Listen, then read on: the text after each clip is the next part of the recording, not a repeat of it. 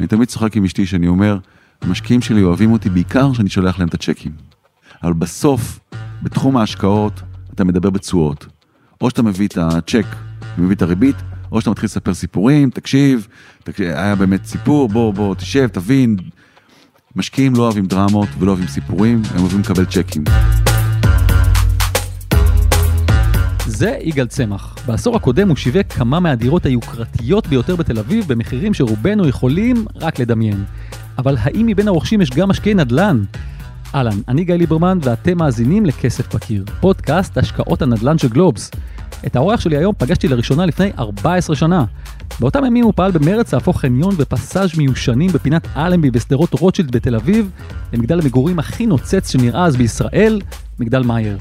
את הדירה הראשונה שם הוא מכר ב-2007 ואת האחרונה ב-2018, מה שמתחיל ללמד כמה שונה המגדל הזה ממרבית פרויקטי הנדל"ן האחרים בישראל, ואולי הוא שווה פרק בפני עצמו, אבל את יגאל הזמנתי אלינו כדי לדבר על משהו אחר, האם העשירים באמת גם מחפשים השקעות נדל"ן עצמאיות, ואם כן, איך הם עושים את זה? הפרק של היום מעט ארוך מהרגיל, ולא בכדי, יגאל הוא איש שיחה מרתק שהתובנות שלו עשויות לסייע לכל מי שפועלים בתחום, גם אם הם לא קונים דירה ב-50 מיליון שקל. נדבר גם על התפתחות התחום של פמילי אופיסס וגם על מה שהוא עושה היום כמנכ"ל קרן גשרים שמספקת אשראי חוץ-בנקאי. אז יאללה, הרבה לפנינו והמיקרופון כבר פתוח, בואו נתחיל עם היכרות קצרצרה איתו. יגאל צמח, אני אוהב ליצור דברים, אני אוהב uh, להקים חברות שבסופו של דבר מייצרות ערך ללקוחות, לעובדים ו... ולמשקיעים אם יש. אני מעדיף תמיד לברוא עסקים חדשים מאשר להיכנס לעסקים קיימים, ואני נהנה מאוד מהיצירה של אה, לבנות יש מאין.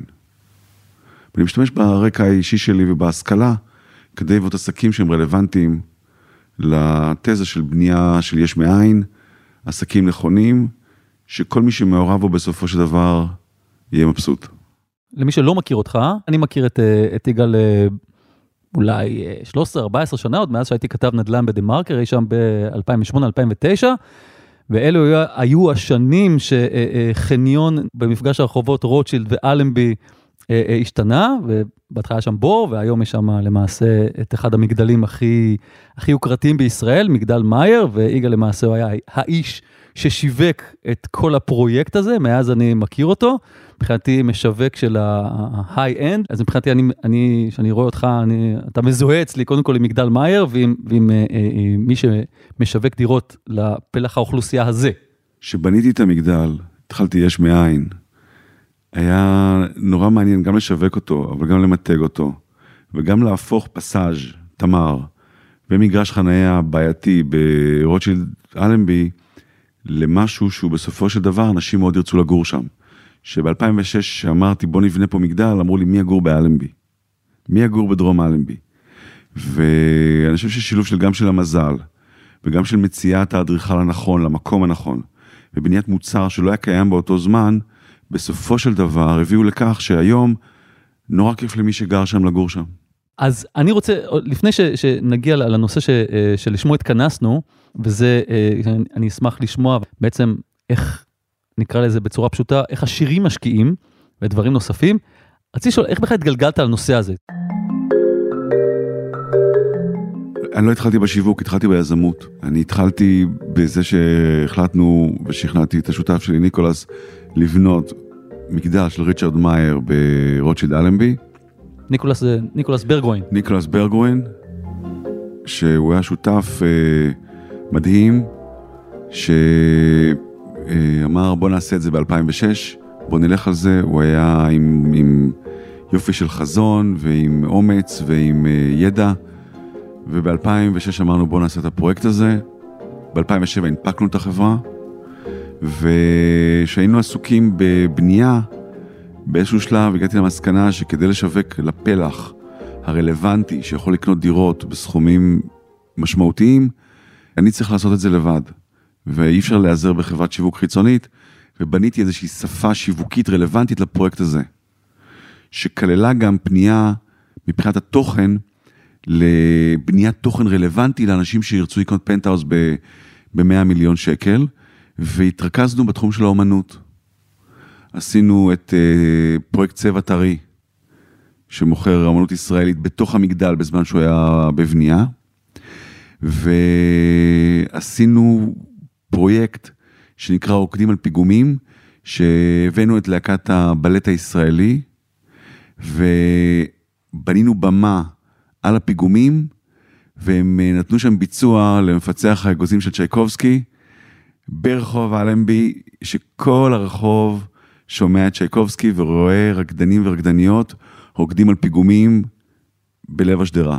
לא עשו את זה מאז, לא עשו משהו דומה, והפעולות האלה, שהן לא היו פעולות שיווקיות קלאסיות, הם אלה שהצליחו לבדל את הפרויקט הזה מפרויקטים אחרים, כי לא מכרנו מטרים, מכרנו למעשה איזושהי תפיסת עולם אה, של אומנות, של איכות ושל מיוחדות בפרויקט הזה. וזה מה שאני מאמין שבסופו של דבר יצר את הסבה השיווקית שעזר לנו לבדל את הפרויקט הזה מפרויקטים אחרים.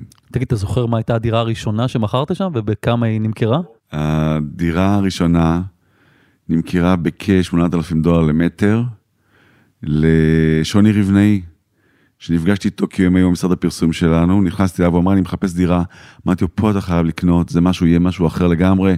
הוא הסתכל עליי וראה בחור בשנות ה-30 לחייו עם ברק בעיניים, הוא הסתכל עליי ואמר, אני איתך, אני הולך על זה, והוא קיבל, הוא קנה חצי קומה נפלאה ויפהפייה, והיה לו את היכולת לראות אה, לתוך העתיד. והוא עושה עסקה נהדרת, והוא קנה דירה נהדרת, וזה היה באוקטובר 2007. ומה הייתה הדירה האחרונה שנמכרה ובכמה? הדירה האחרונה נמכרה בתור פנטהאוז uh, בכ-50 מיליון שקל. אני לא יכול לצטט מי, מי היו הקונים. זה היה ב-2018. זאת אומרת, לקח 11 או 12 שנים כן. למכור את כל הדירות בפרויקט. כן, זה הבניין המגורים הכי גדול בישראל. היו בו כמעט 30 אלף מטר, והקושי היה למכור יחידות שהן מאוד מיוחדות בכזה ווליום. בהגדרה, ככל שהמוצר הוא יותר נדיר, הערך הנתפס שלו יותר גבוה. שזה ביהלומים תמיד מנסים לשווק מעט, כדי לייצר תחושת צורך. האתגר במגדל היה לשווק 30 אלף מטר בתור יחידות מיוחדות. אז ההסתכלות שלנו לא הייתה לעשות איזשהו פריסל ולהוריד מחירים, אלא למכור כל הזמן באופן רציף, בידיעה שזה ייקח הרבה זמן, אבל כתוצאה מזה הצלחנו למקסם גם את השווי. תגיד, אבל מישהו אחר, הזכרת קודם את השם ניקולס ברגרוין, זאת אומרת, אני לא יודע עד כמה אנשים מכירים, זה אחד האנשים העשירים בתבל, אמ, אבל מישהו שאין לו כיס כזה עמוק, יכול להחזיק פרויקט לאורך כל כך הרבה שנים, בלי שהוא מכר את כולו, אנחנו מדברים פה על תקופה ארוכה מאוד. קניית הקרקע נעשתה בזול בגלל התקופה, ובגלל הסיבוכיות שהיה בקרקע, היה שם פסאז', הסכמת שנתיים בשוק ואף אחד לא נגע בה, כי הפסאז' מנע את בניית המגדל. אה, אני התייעצתי עם ישראל דוד, שהוא היה הקונסטרוקטור, ואמרתי לו, תגיד לי, אם הם עושים לנו בעיות, האם אפשר לתלות את הפסאז' ולבנות מעל? הוא אמר לי, כן. ואז אנחנו לפרויקט תחת הידיעה שיש לנו plan B. והפינוי של הפסאז' נעשה תחת, אחרי שהראינו לכל חברי הפסאז' שאפשר לתלות את הפסאז' באוויר, להשאיר אותו ולבנות מעל. רק אחרי שהם ראו שאפשר גם בלעדיהם, אז הם הסכימו למכור ולבנות אותו. קנינו את הקרקע בערך 6,000 שקל למטר. ברוטשילד, בגלל הבעייתיות ובגלל התקופה. אז מבחינת הבנקים, כאשר הגענו למכירות של שליש מגדל, כבר כיסינו כמעט את החוב הבנקאי. את החוב הבנקאי, הוא היה, הוא היה קטן מאוד, כי המכירות כיסו את שווי הקרקע מהר, ואחרי זה רק ברווח. אז הבנק היה אדיש, הוא החזיק את ערבויות חוק מכר שלנו והרוויח עליהם בלי לעשות הוצאות. מבחינתו גם הפרויקט יכול לקחת גם עוד עשר שנים, כי הם לא היו בשום סיכון של חוב. אה, תקופה ארוכה. החוב התחיל ב-2007, וב-2010 כבר כיסינו את כולו. אז למה הייתם צריכים בעצם להכניס את, את האחים חג'אג' אם ככה ניכנס עוד שנייה אחת לה, לה, להיסטוריה ותכף נצא ממנה? ב-2008 היה משבר של לימן uh, ברודרס, היה לנו אג"חים של החברה שהייתה מונפקת, והיינו צריכים עוד הון uh, עצמי.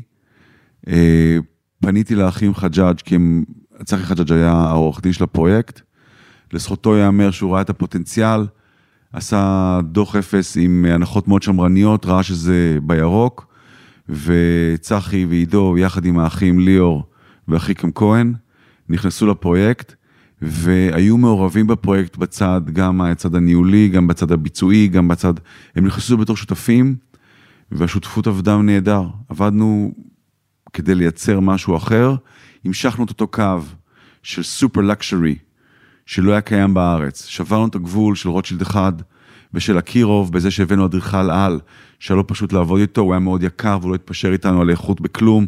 הוא דרש מאיתנו להביא אה, חומרי בנייה אקזוטיים מכל מיני מקומות בעולם, ושמרנו על היושרה כדי באמת להביא את זה ולא לעגל פינות, וכתוצאה מזה, בסופו של דבר, המגדל נראה כפי שהוא נראה היום.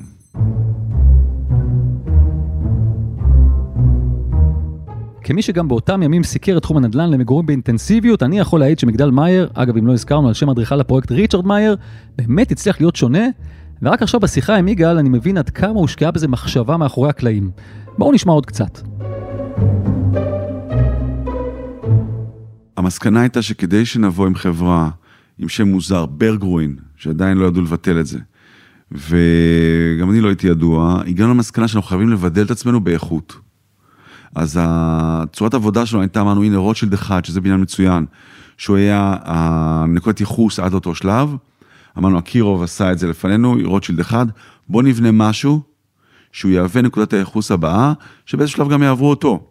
אבל לגבי איכות השטחים הציבוריים, גודל הבריכה, אה, עשינו אה, מועדון דיירים ענק, מרתף יין, בכל תחום רלוונטי, אמרנו בוא נהיה הכי טובים מול נקודת הייחוס האחרונה, כדי שקונה מתוחכם, שיכול לקנות פנטהאוס ב-100 מיליון שקל, יבין שהוא באמת קונה מוצר טוב. הנחת העבודה שלנו הייתה שאף אחד לא פראייר, אף אחד לא יקנה על באז. כולם יקנו כי הם ידעו שזה המוצר מבחינת הלוקיישן, מבחינת איכות הבנייה ומבחינת האדריכלות, בתור הפרויקט הכי טוב בישראל. תשמע, בוא, אני רוצה לעבור שנייה קדימה ואולי אה, אה, לרדת קצת לעומק לנושא ש, שאותי הכי מעניין בזה, בעצם איך עשירים משקיעים בנדל"ן. אני אתחיל בזה ש, שיש מין אמרה כזאת, אני לא יודע מי אמר אותה, אבל אה, אה, זה לא כזה משנה, שהעשירים באמת, את הכסף שלהם עשו בנדל"ן. גם המגדל הזה וגם פרויקטים אחרים, אה, אה, יש אנשים שקנו שם דירות בעשרות מיליונים, יש אפילו כמה דירות מיוחדות פה בישראל, לא יודע אם לקרוא לזה דירות, או קומות, אפילו בקצת יותר מזה.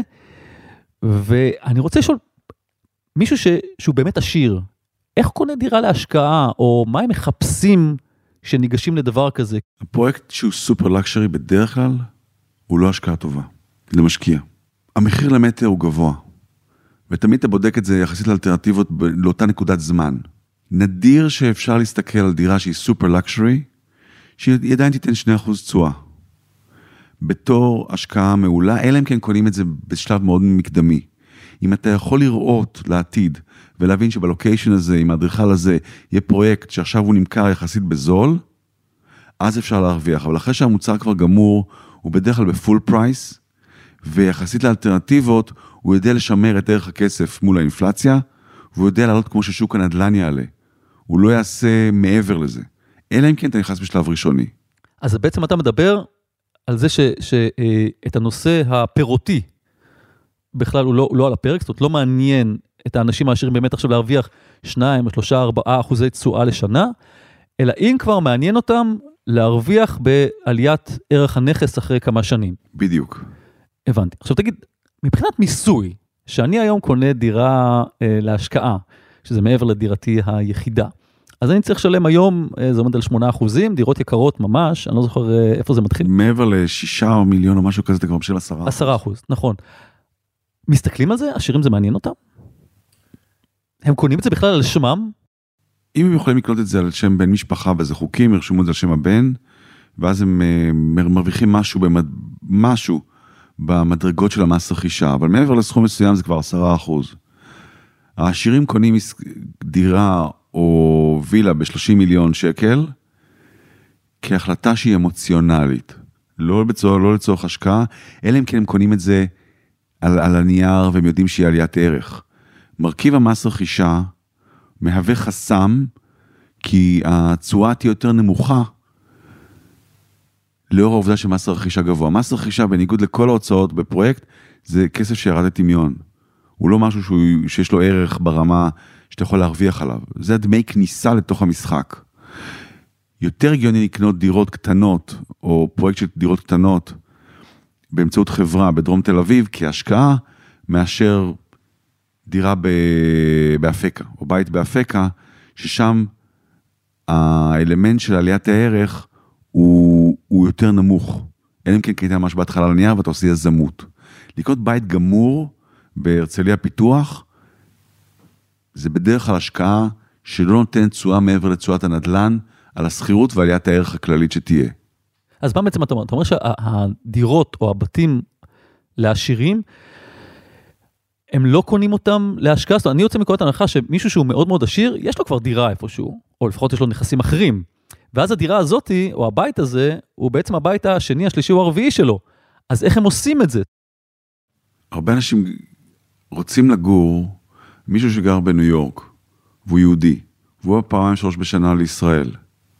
הוא רוצה שהילדים שלו יגורו ויהיה להם מקום שהם עושים עלייה, או שבאים לבקר את המשפחה. אז הוא מחזיק דירה שתהיה ריקה אפילו חצי שנה, במגדל מפואר, כדי שזה יהיה האב. כדי שהוא בא לפסח שקשה להגיע, או הוא בא לקיץ, או הילדים שלו באים בראש השנה, הדירה הזאת משמשת סוג של hub, כשהוא בא לארץ, אז יש לו את המקום שלו לגור שם. זה גם לפעמים השקעה טובה אם הוא קנה את זה נכון, כי הוא מכיר את הבעלים, אז הוא קנה את זה בשלב ראשוני ויש עליית ערך. אבל ההסתכלות שלו היא לא בשביל ה flip, היא לא בשביל רק עליית הערך. הוא לא מסתכל על מרכיב המימון. בפרויקט של מאייר מעטים קנו עם משכנתה, מעטים ספורים. כי היה להם full equity והם אמרו אוקיי, אני אשים פה את הכסף וזהו.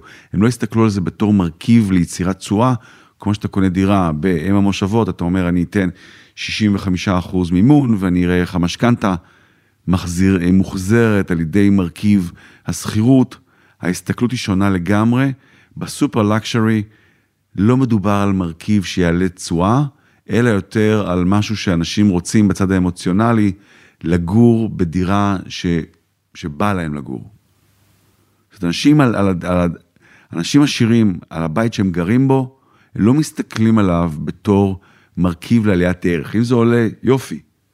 אבל זה נועד לשרת אותם ולמלא את הצורך שלהם בבית נפלא. זאת אומרת, מה שאתה אומר שבעצם כל הנכסי יוקרה שאנחנו רואים, הם לא נקנו להשקעה, הם למעשה הבית שבו הם רוצים לגור? בסופר לקשורי כן. וילות ענקיות בהרצליה פיתוח, או בסביון, או בצהלה, לא מהוות דרך להשקיע, אלא מקום שאנשים רוצים לגור ומוכנים לשלם פרמיה של ירידת תשואה על מרכיב ההון שהם שמים בתוך הנכס. אבל אני רוצה להקשות עליך. אותה, אותו אה, בית שקנית עכשיו בהרצליה פיתוח, או באיזה מגדל יוקרתי בתל אביב. עוד פעם, אני יוצא מנקודת הנחה שלאותו בן אדם, יש לו כבר איזה נכס אחד או שניים. אני, אני, אני מעריך שזה, שזה המצב. נכון, ברור. אז איך הוא קונה עכשיו, תכלס, איך הוא קונה עכשיו את הבית היוקרתי הזה? הוא משלם מס רכישה מאוד גבוה, הוא משלם על פרויקט, אם הוא קנה אותו כבר גמור, שהוא בשיא, בשיא המחיר שלו, וזאת השקעה שהיא פחות טובה מאשר להשקיע במוצרים כמו חוב חוץ-בנקאי, או בקרנות גידור, או בבורסה, או בנדלן אחר. זה נמצא בתחום שהוא בתחום של ה"אני רוצה", לא בתחום של "אני אראה על זה תשואה". זה משהו שהוא לוויין, אנשים יכולים להרוויח על זה המון כסף כתוצאה מעליית ערך של שווקים. נגיד עכשיו כל הווילות, הערך שלהם עלה, כי בגלל הקורונה. אז במקרה הם הרוויחו, אבל זה לא כלי שהוא מספיק טוב מול אלטרנטיבות ליצירת תשואה. ליצירת תשואה, אנשים שמים את הכסף שלהם אצל family office, ונוכל לדבר על הרציונל של מה מעניין מנהל של family office עבור המשקיע שלו. אבל על הרדאר של מנהל כסף, קניית פנטהאוז אה, במגדל בתל אביב, לא מהווה כלי ליצירת תשואה, אלא לכלי ליצירת הנאה. אז, אז בוא נדבר על, על מושג איזה family office, כי אנחנו לא, לא נגענו בו, אני חושב כמעט אף פעם, למרות שהוא נזרק פה ושם. מה זה family office? בוא, בוא, בוא תסביר לנו מה זה הדבר הזה ואיך בעצם העשירים באמת משתמשים בזה כדי לרכוש נדל"ן. family office זה מונח שבא מארצות הברית, שאנשים שמאוד עשירים, באיזשהו שלב התחילו לנהל את הכסף שלהם, והיה להם פעילות עסקית, אישית. ואז נוצר התחום, הקונספט שנקרא single family office. זאת אומרת, המשפחה היא נורא עשירה, ויש לה המון השקעות, ואז זה נהיה כמו חברת השקעות. חברת השקעות צריך מנכ"ל, צריך שיהיה סמנכ"ל כספים, איך ננהל את הכסף שעשינו אותו ב, בתחום הגז, ועכשיו אנחנו קיבלנו דיבידנד ענק וצריך להשקיע אותו במקום אחר, מה נעשה עם הכסף, איך הוא יניב. כמו שחברת השקעות משרתת את הבעלי מניות שלה או את המשקיעים שלה, אנשים שהם סופר ריץ' היו צריכים ארגון פנימי שלהם לנהל את כמות הכסף, פתאום יש לך מיליארד דולר. מיליארד דולר זה לא תשים תקנה דירה בגבעתיים. אז אתה אומר, אוקיי, אני צריך לעשות, לנהל את כמות הכסף הזאתי עם אה, דיסציפלינות מתחום אה, ההשקעות. כמה family offices כאלה פועלים כיום בישראל? כמה שאתה מכיר, או הערכה שלך? המון, עשרות ואולי אפילו מאות. האבולוציה של זה התחילה שנגיד לפני 20 שנה היו בעיקר single family office, אני עבדתי ב single family office של מוריס קאן ושמואל מיתר, באורק. היה גם לשרי אריסון ולאחים עופר, היו למשפחות עשירות single family office, שניהל את ההון של המשפחה הספציפית הזאת שהיא בעלת uh, אמצעים. באיזשהו שלב, אנשים שהם פחות עשירים, התאגדו ויצרו מולטי פמילי אופיס. בא אדם מאוד מוכשר ואומר, אני אתן שירותי ניהול הון לא רק למיליארדר אחד, אלא לחמישה אנשים שהם שווים 150 מיליון שקל כל אחד. ואז התחום הזה והערך המוסף שהם עושים, הוא היה מספיק משמעותי כדי שמישהו שהוא עשה אקזיט בתחום הטכנולוגיה, עשה מיליארד דולר, עכשיו הוא לא יודע להשקיע בהכרח בנדל"ן וב, ובקרנות וב hedge fund ובבורסה, אז הוא אמר, אוקיי, אני אתן ל Mister Money לנהל את ההון שלי בצורה של חברת השקעות. והניהול של family office מנהל כמה לקוחות ככה במקביל, כאשר לכל לקוח כזה יש סכום הון שהוא מנהל, והעדפות הון שונות, כמה סיכון, כמה לטווח קצר, כמה לטווח ארוך. ויש היום מאות family office בישראל, שמנהלים כסף בעיקר של אנשי הייטק שהתעשרו לאחרונה. אז לעשירים או super rich, כמו שיגאל אומר, יש אפשרויות כמעט בלתי מוגבלות, אבל גם הם צריכים לגור איפשהו, אז איך הם בוחרים? לפי יגאל הם מחפשים פשוט להתאהב, ומהצד של המוכר צריך לשווק להם משהו שימחיש עבורם את ההצלחה שלהם בחיים. קנייה של דירת אה, יוקרה היא קנייה אמוציונלית. כי רציונלית, כפי שאמרנו לפני זה, כלכלית בעת הקנייה, בדרך כלל זה מוצר יקר, שאלת הערך שלו היא לא גבוהה. אז הקנייה היא אמוציונלית, הם צריכים להתאהב. הם צריכים להרגיש שזה סוג של מוצר שיגרום להם לחוות חוויה שעד היום הם לא חוו. הם רוצים לגור במשהו שאם הם יעברו לגור שם, הם יכולים לדמיין את החיים שלהם גרים בתוך הפנטהאוז הזה, ושהוא מתאים והוא סוג של טרופי או תעודת ניצחון על הדרך שהם עשו עד עכשיו. אנשים שקונים כאלה דירות עבדו קשה. אנשים שהיה להם גם מזל, גם הרבה לימודים וגם עבודה קשה. קנייה של פנטהאוז במגדל זה קנייה אמוציונלית. החיבור הוא לא במחיר למטר. אני זוכר שבאים לקנות ממני את הדירה ואומרים לי, ואני מדבר על האיכות ועל הלוקיישן ועל האדריכלות ועל האיכות, ומישהו היה מוציא את, בשלב מוקדם מדי את המחשבון, ואומר, רגע, אתה מבקש ככה וככה על דירה כזאת, המחיר למטר הוא כזה, בדרך כלל זה גמר את העסקה. החיבור חייב להיות אמוציונלי, אנשים צריכים לאהוב את המוצר הזה, כמו טבעת של קרטיה. אנשים מסתכלים כמה גרם זהב יש בטבעת של קרטיה, אין שם כלום, המחיר לגרם שם הוא, הוא מגוחך. בנכסי יוקרה זה אותו דבר. הם צריכים להתאהב במוצר, הם צריכים להרגיש שברמה הנפשית הם אוהבים את זה והם רוצים לגור שם, ואז אחרי שהם החליטו שהם רוצים לגור שם, הם עושים את המשא ומתן הכלכלי הכי טוב שהם יכולים. לעומת זאת, במוצרים שהם מוצרי השקעה, הם צריכים לראות קודם כל שזה עושה להם את התשואה שהם רוצים מבחינת הסיכון והתשואה והאלטרנטיבה, ורק אז הם ילכו הלאה. זה מכירת מוצרים שונה לגמרי. פה זה מכירה אמוציונלית, ובקרנות זה מכירה רציונלית. תגיד, אם אני חוזר עוד פעם לדירות, יש כבר טרנד שרץ שנים רבות לגבי, או שאתה קונה דירה במצב אה, אה, מוגמר, או שאתה קונה ברמת מעטפת. אם אתה יכול להסביר רק מה, אולי, אולי מה שאתה למדת לאורך השנים, מי מעדיף מה. רמת מעטפת, שזה שם מצחיק בצרפתית, זה נקרא ברוט דה בטון, שזה אומר שאתה קונה את הדירה ערומה, עם הכנות למיזוג וחשמל ולאינסטלציה, ואת כל החלק מהדלת פנימה, מבצע הקונה. זאת אומרת, אני נכנס בשלב הראשון, אני רואה רק את, ה, את העמודי בטון. אתה רואה בטון עם סומסום, אה, צינורות של אה, אינסטלציה וחשמל עם, עם הכנה לנקודות חשמל ומים ומזגן, ו- ואלומיניום מבחוץ. אין מטבחים, אין רצפה, אין קירות, אין הפרדה, אין כלום. זה חלל של open space, שבו למעשה אדם שיש לו את היכולת הכלכלית ואת המשאבים להשקיע בתכנון, הוא יכול לייצר שם את הדירה שהיא דירת החלומות שלו. נשמע לי מצד אחד מדהים, מצד שני נשמע לי כמו הרבה כאב ראש. אה. זה, זה עבורו כיף, כי יש לו את המנהל פרויקט. ויש לפעמים בת זוג שנורא מחוברת לצד אדריכלי. והיא רוצה לבנות את זה מחדש, היא רוצה לרהט את זה כפי שהיא רוצה, יש לה את הזמן לזה, יש לה את הכסף לזה, וזה סוג של תחביב שאם אין לך מגבלות של זמן וכסף, לבנות בית חלומות, זה אחלה, אחלה מסע. בוא נדבר על מה שאתה עושה היום, על, על, על קרן גשרים, אם תוכל להסביר מה זה, לאן אתם מכוונים. במסגרת ה... הספקטרום של הסיכון, בעוד יזמות נדל"ן למגורים בסופר לקשורי, זה באולטרה סגול, זה הכי מסוכן שיש. זה בנייה מאוד ארוכה, אתה בדרך פוגש איזה משבר כלכלי, לימן, קורונה, נפילות, וזה פרויקט מאוד מסוכן. אני אחרי שסיימתי עם הפרויקט של מאייר, בחרתי ללכת לתחום שהוא הכי, לטעמי הכי שמרני, שזה העמדת אשראי לפרטיים כנגד בטוחות נדל"ניות.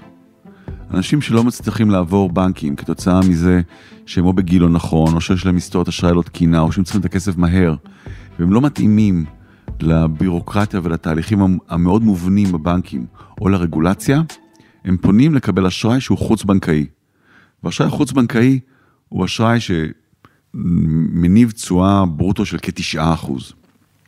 אמרת קודם שאתה רוצה משהו שקט ורגוע, אבל דווקא מה שאתה מתאר, מה שתיארת עכשיו נשמע לא הכי שקט ורגוע, נשמע ריסקי קצת. על פניו זה ריסקי, אבל כאשר הבטוחה, שזה מה שאני אהבתי בתור איש נדל"ן, כאשר הבטוחה שלך זה דירה ברמת גן, והעמדת הלוואה על כ-50% משווי הדירה, ההלוואה אין, אין בה סיכון למעשה. כי גם אם הלווה, שהוא לווה שהוא לא מושלם, הוא לא triple A, גם אם הוא לא עומד בהחזרים או לא עומד בתשלום, העובדה שיש לך משכנתה מדרגה ראשונה, מבטיחה בצורה מלאה את החזר החוב שלך. אז מה בעצם אתם עושים?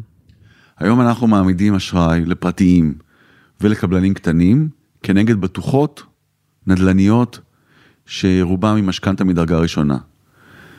עשינו עד היום 100 ומשהו מיליון שקל השקעות וכמעט 100 עסקאות, שבהם העמדנו אשראי לפרטיים וקבלנים כנגד בטוחות נדל"ניות מצוינות. שזה הרף כניסה, מאיזה סכום אני יכול להיכנס לתוך הדבר הזה? אנחנו מעמידים אשראי החל מחצי מיליון שקל.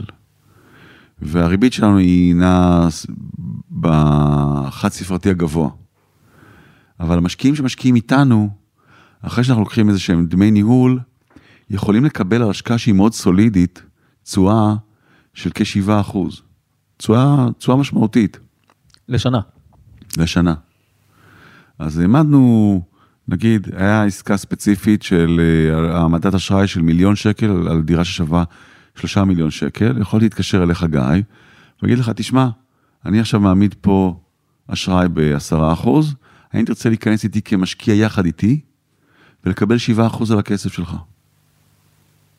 אני מטפל בהכל, אני מוצא אותו, אני מאתר אותו, אני, אני חותם, אנחנו עושים הלוואה משותפת, ואתה רואה שבעה אחוז על כספך. הטווח השקעה הוא בין חצי שנה לשנה וחצי. כי אנשים מוכרים את הדירות ומחזירים את האשראי כי הוא אשראי יקר. מרבית העסקאות זה לאנשים שכבר מחזיקים נכסים, שמרגישים שהם צריכים את הזמן הסביר כדי למכור אותם, ואין להם את הזמן הסביר הזה כי יש להם הלוואות קודמות.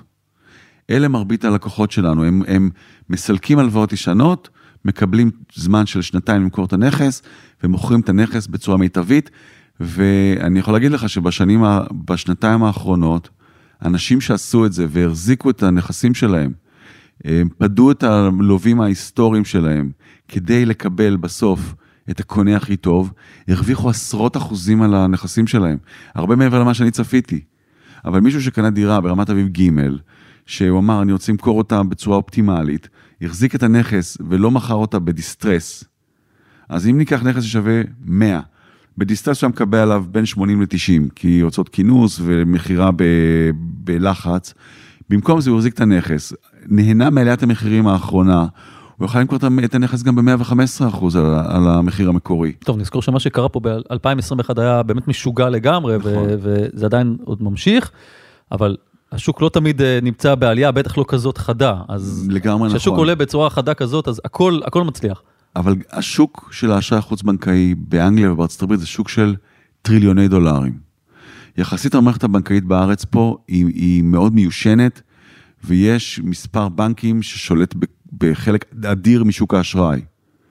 מה שאנחנו רואים לאחרונה, בחמש שנים האחרונות, זה צמיחה שגם של הפינטק וגם של האלטרנטיבות מימון לאנשים שהם עם, עם, עם סיפור ספציפי, שלפני זה המערכת הבנקאית לא ידעה לענות עליו. אז אתה נכנסת לכינוס נכסים, נגיד, אם לא היה לך מענה נכון. אבל לעומת זאת, היום האפשרויות הן כל כך מגוונות, שגם יזמים קטנים יכולים לעשות פרויקטים, וגם אנשים שרוצים למכור נכס בצורה אופטימלית, יש להם כלים פיננסיים למכור את הנכס שהם מחזיקים בו בצורה מתאימה. אני רוצה להקשות עליך פה, וידעת שהשאלה הזאת מגיעה. נתקלנו בכמה מקרים בשנים האחרונות שקרנות אה, אה, מקבילות, דומות, אה, גם הבטיחו אה, השקעות נפלאות, ונקלעו לקשיים. אה, אחת מהן זה קרן אקספו, הלוותה כסף לאלדד פרי, והיו בין הראשונים בעצם להיפגע, או בין הגדולים להיפגע, כשהקבוצה נכנסה לכינוס נכסים, עוד הרבה לפני שאלדד פרי נרצח. זה מקרה אחד, ומקרה אחר שאנחנו פרסמנו פה בפודקאסט שלנו על קרן וולסטון, שעלו טענות לגבי שותפויות שמה שהלוו כסף ליזמי תמ"א 38, ובתגובה שלהם אפילו הם בעצמם הודו שפרויקטי תמ"א 38-1, פרויקטים אה, אה, ריסקיים מאוד, אז מה בעצם שונה בין מה שאתם עושים לבין פעילויות כאלה? התחום של האשראי החוץ-בנקאי הוא בהגדרה עם אחוזי דיפולט יותר גבוהים מאשר המערכת הבנקאית. תסביר. המערכת הבנקאית מסתכלת על הלוואה, היא מסתכלת 80% על הלווה ובודקת אותו שהוא לווה טוב, ו-20% על הבטוחה שהיא בטוחה טובה, אבל עבור הבנק לממש בטוחה זה קטסטרופה, זה ועדת חקירה. השוק החוץ-בנקאי בהגדרה מטפל בלווים שהם אה, פחות טובים, הם סאב פריים, אבל הבטוחה מצוינת. אז לכן, שיעורי הדיפולט הם אמורים להיות יותר גבוהים בשוק של החוץ-בנקאי מאשר בחוץ-בנקאי, והניהול וגובה התשואה אמורים לשקף את תוספת הסיכון הזאת.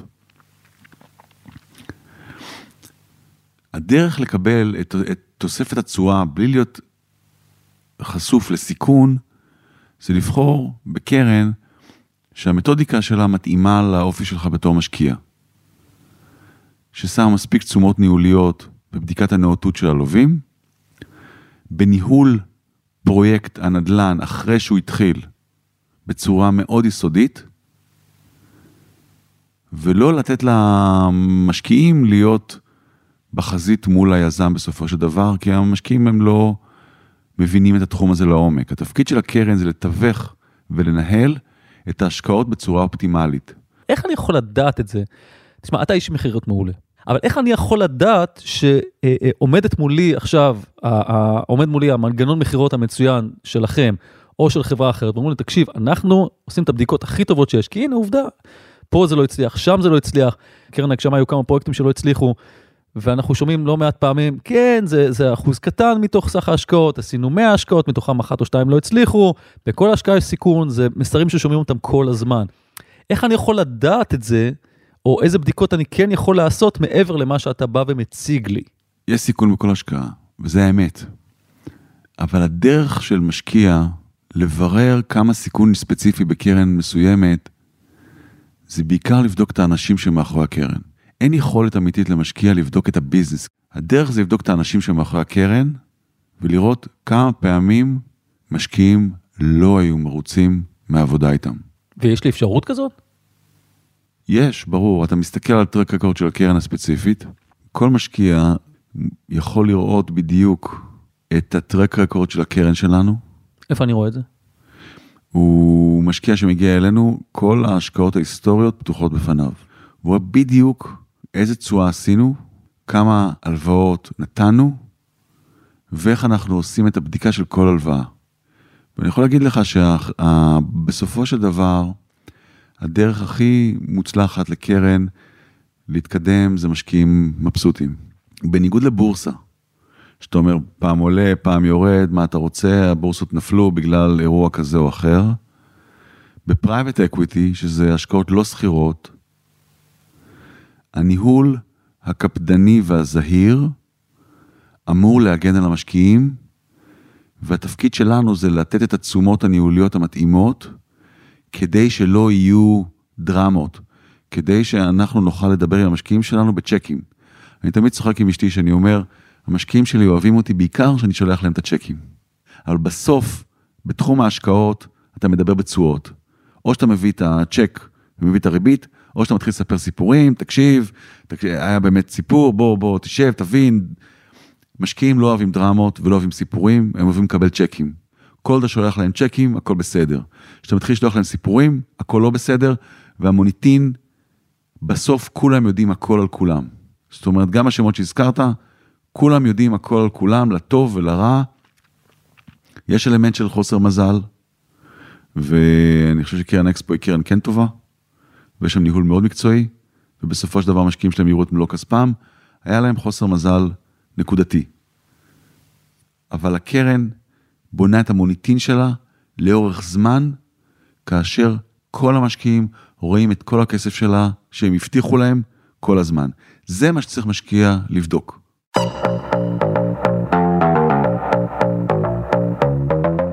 אגב, אם כבר אנחנו מדברים על תחום ההשקעות הזה, בואו נעמיק עוד קצת ונבין מיגאל מה זה משקיע כשיר, למה המושג הזה בכלל אמור לעניין אותנו.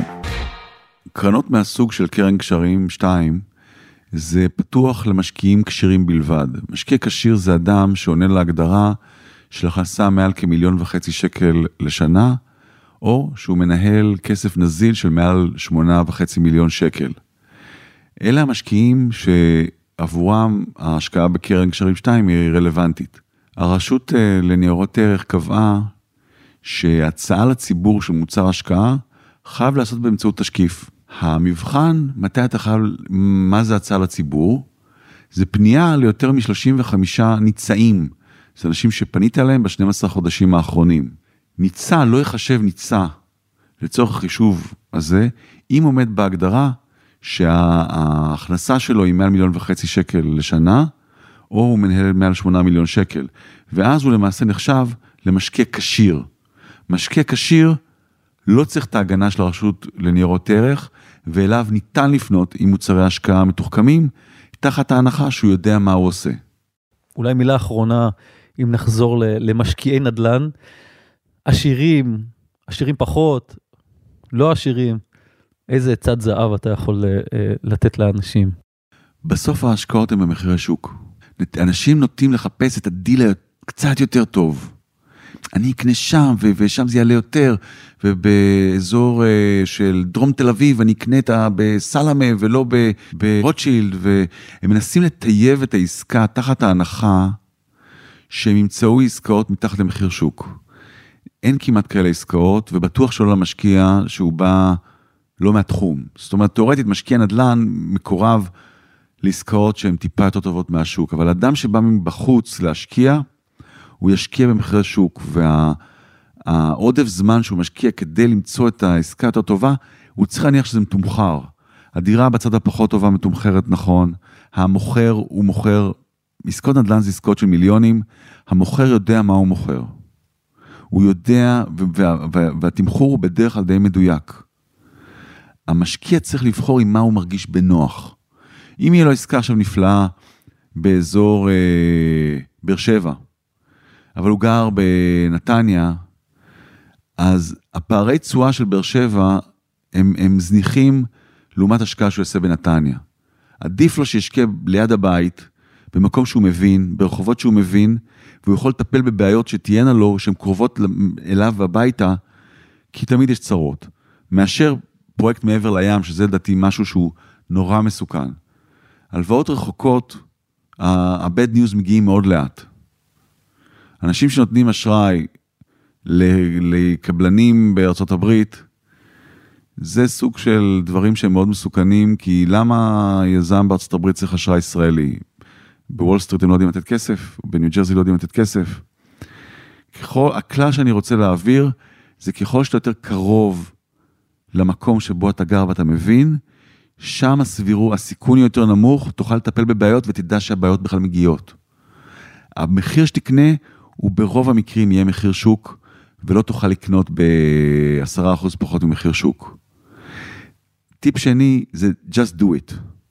היום אנחנו בתקופת אינפלציה שלטעמי גבוהה ממה שמדווח, ואנשים מרגישים את זה בסופר, במסעדות, ב... יש כבר לגיטימציה לעלות מחירים, ואני צופה שהאינפלציה בארץ רק תלך ותעלה כמגמה עולמית. אינפלציה זה מס שקט. יש לך מיליון שקל בחשבון. אתה אומר, יש לי מיליון שקל בחשבון, מה רע? האינפלציה מכרסמת בו, וזה לא הוצאה מוכרת. אם היה 7% אינפלציה בישראל, בסוף שנה, אם ישבת על מיליון שקל, נעלמו לך 70 אלף שקל. הם לא נעלמו, כי אתה אומר, יש עדיין מיליון, אבל אתה לא יכול לקנות. כוח הקנייה. כוח כן. הקנייה, שזה מס נורא, נורא מתוחכם ושקט, אכל לך 7% מהכסף. לכן עדיף לך היום, שזו תקופת אינפלציה שהיא היא, היא, היא כבר קורית, במרץ היה לנו אינפלציה גבוהה. אתה צריך כבר לקנות את הדירה במחירים המטורפים, או אם אתה בוחר להשקיע בתחומים אחרים, אבל לעשות את זה כבר ולא לשבת על מזומן, כי עצם הישיבה על מזומן עולה לך צפונית לחמישה אחוז לשנה. אז, אז, ולחפש את העסקה המעולה, היא בדרך כלל אה, רק אה, גורמת לך לאובדן זמן. הקלישאה שאומרת שהאויב הכי גדול של העסקה הטובה זה עסקה מצוינת, היא קלישאה נכונה מאוד. אתה מבזבז המון זמן לטייב את העסקה ההיא ולהתקשקש עליה, בינתיים עבר זמן, הכסף שלך לא עבד, הוא נשחק. תעשה את העסקה הטובה ותסגור אותה מהר, בתנאים, בתנאי שוק. לאורך זמן זאת תהיה עסקה יותר טובה מאשר העסקה המצוינת שניסית לטייב אותה ולקח לך חצי שנה ובינתיים איבדת זמן, איבדת זמן ניהולי ונשחק לך הכסף. טוב, עצות לחיים. יגאל, אני מאוד מאוד מודה לך שבאת להתארח אצלנו. מאוד נהניתי לדבר איתך, גיא. עד כאן יגאל צמח, ועכשיו נעבור לעוד מישהו שמכיר אותו מזה כמה שנים, אריק מירובסקי, פרשן הנדל"ן הבכיר של גלובס. אהלן אריק. שלום וברכה, גיא. תשמע, שמעת את, אה, את יגאל, אנחנו מכירים אותו מזה הרבה שנים. אה, אתה חושב שהעשירים קונים דירות בראייה שבעתיד הם יעלו את הערך שלהן, או שהם פשוט קונים בשביל לגור שם? לא ולא. אה, ראשית כל, אתה יודע, כשאנחנו מדברים, זה רוב הפודקאסט, רוב הפודקאסטים שלך עוסקים באנשים שכל העניין של הכסף אצלם זה מוצר במחסור. תמיד חסר כסף. הרי כל העילה של אנשים להשקיע בנדל"ן או בכל אפיק אחר, זה מכיוון שאין להם מספיק כסף, והם רוצים אה, שיהיה להם יותר, והם רואים בזה איזשהו אפיק אה, להגדיל את ההכנסות שלהם אה, בעתיד. פה אנחנו מדברים על אנשים שלא רק שלא חסר להם כסף, יש להם יותר מדי כסף. אתה יודע, מספיק אם נראה כמה נכסים אה, מחרימים בתקופה האחרונה לאוליגרכים הרוסיים, כמה מטוסים, כמה אה, יחטות. ספינות, יאכטות, כן, כל מיני דברים ונכסים, נכסי נדל"ן, ואתה אומר, לעזאזל, כמה טירות בן אדם צריך, כמה יאכטות הוא צריך, כמה מטוסים. חברים, מה קורה איתכם? אז כמובן השיקולים הם שונים לחלוטין. פה גם אני עונה לך לגבי העניין של המגורים. הרבה פעמים מדובר ב, ביחידת דיור, קשה לקרוא לזה דירה, כי זה הרבה פעמים גם טירות או, או אחוזות. או קומות שלמות, דיור, כן. כן, כן, מדובר על יחידות דיור שנייה ושלישית של האנשים האלה, ואולי הרביעית, והם פוקדים אותם מדי פעם, ובכלל מקום המגורים שלהם הראשי נמצא במקום אחר, ולפעמים לא בארץ. אז לכן השיקולים שלהם הם שונים לחלוטין. כן. תגיד, סיקרת לא מעט עסקאות מהיקרות ביותר שהיו כאן, אה, יש רציונל במספרים האלו? זאת אומרת, תג מחיר של 100 מיליון, נכון שכל נכס הוא נדיר והכול, אבל זה, זה שווה? זה שווה את הכסף הזה בכלל? זאת אומרת, אה, יש, יש היגיון במספרים הכל כך גבוהים האלה? אתה יודע, אנחנו חיים בשוק, והתשובה שאתה לא תאהב אותה, ואולי גם אני לא אוהב אותה, היא, אם יש מישהו שמוכן לשלם, אז כנראה שזה שווה ככה. בגדול אין לזה, אין לזה הצדקה. אתה יודע, אם אתה לוקח, איך אתה מודד בצורה אובייקטיבית במרכאות כפולות שווי של נכס, אתה אומר, בואו נזכיר את הנכס הזה עד סוף כל, אה, סוף כל החיים, וניקח את התשואה המצופה מנכס כזה באזור הזה, ונבדוק לפי זה כמה שווה הנכס, לפי ההכנסות שלנו מדמי שכירות והתשואה. ולא נגיע למספרים האלה. לא נגיע למספרים האלה, זה לא ריאלי, זה לא רציני. אבל אני חוזר לאלמנט הזה של השאלה הראשונה שלך. יש אנשים שמסיבותיהם שלהם, לחלוטין הסובייקטיביות, הם מוכנים לשלם את הכסף הזה.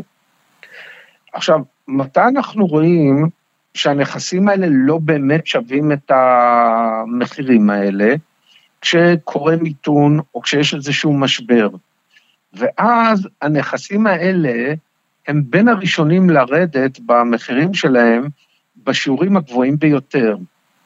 וזה מראה לך שמלכתחילה, אם נניח חלה ירידה של 6-7 אחוז בממוצע במחירי הדירות, אבל בכל מיני אה, אה, כאלה מושבות יוקרה, קיסריה, סביון, פנטהאוזים בתל אביב, המחירים ירדו ב-20 אחוז באותו, באותו פרק זמן, זה מראה לך שכנראה מלכתחילה המחירים ששולמו עליהם היו מנופחים מבחינה כלכלית, אבל שוב, לרוכשים היו את הסיבות שלהם והנסיבות שלהם. אנחנו לא צריכים להרגיש אה, אה, צער גדול מדי עבורם.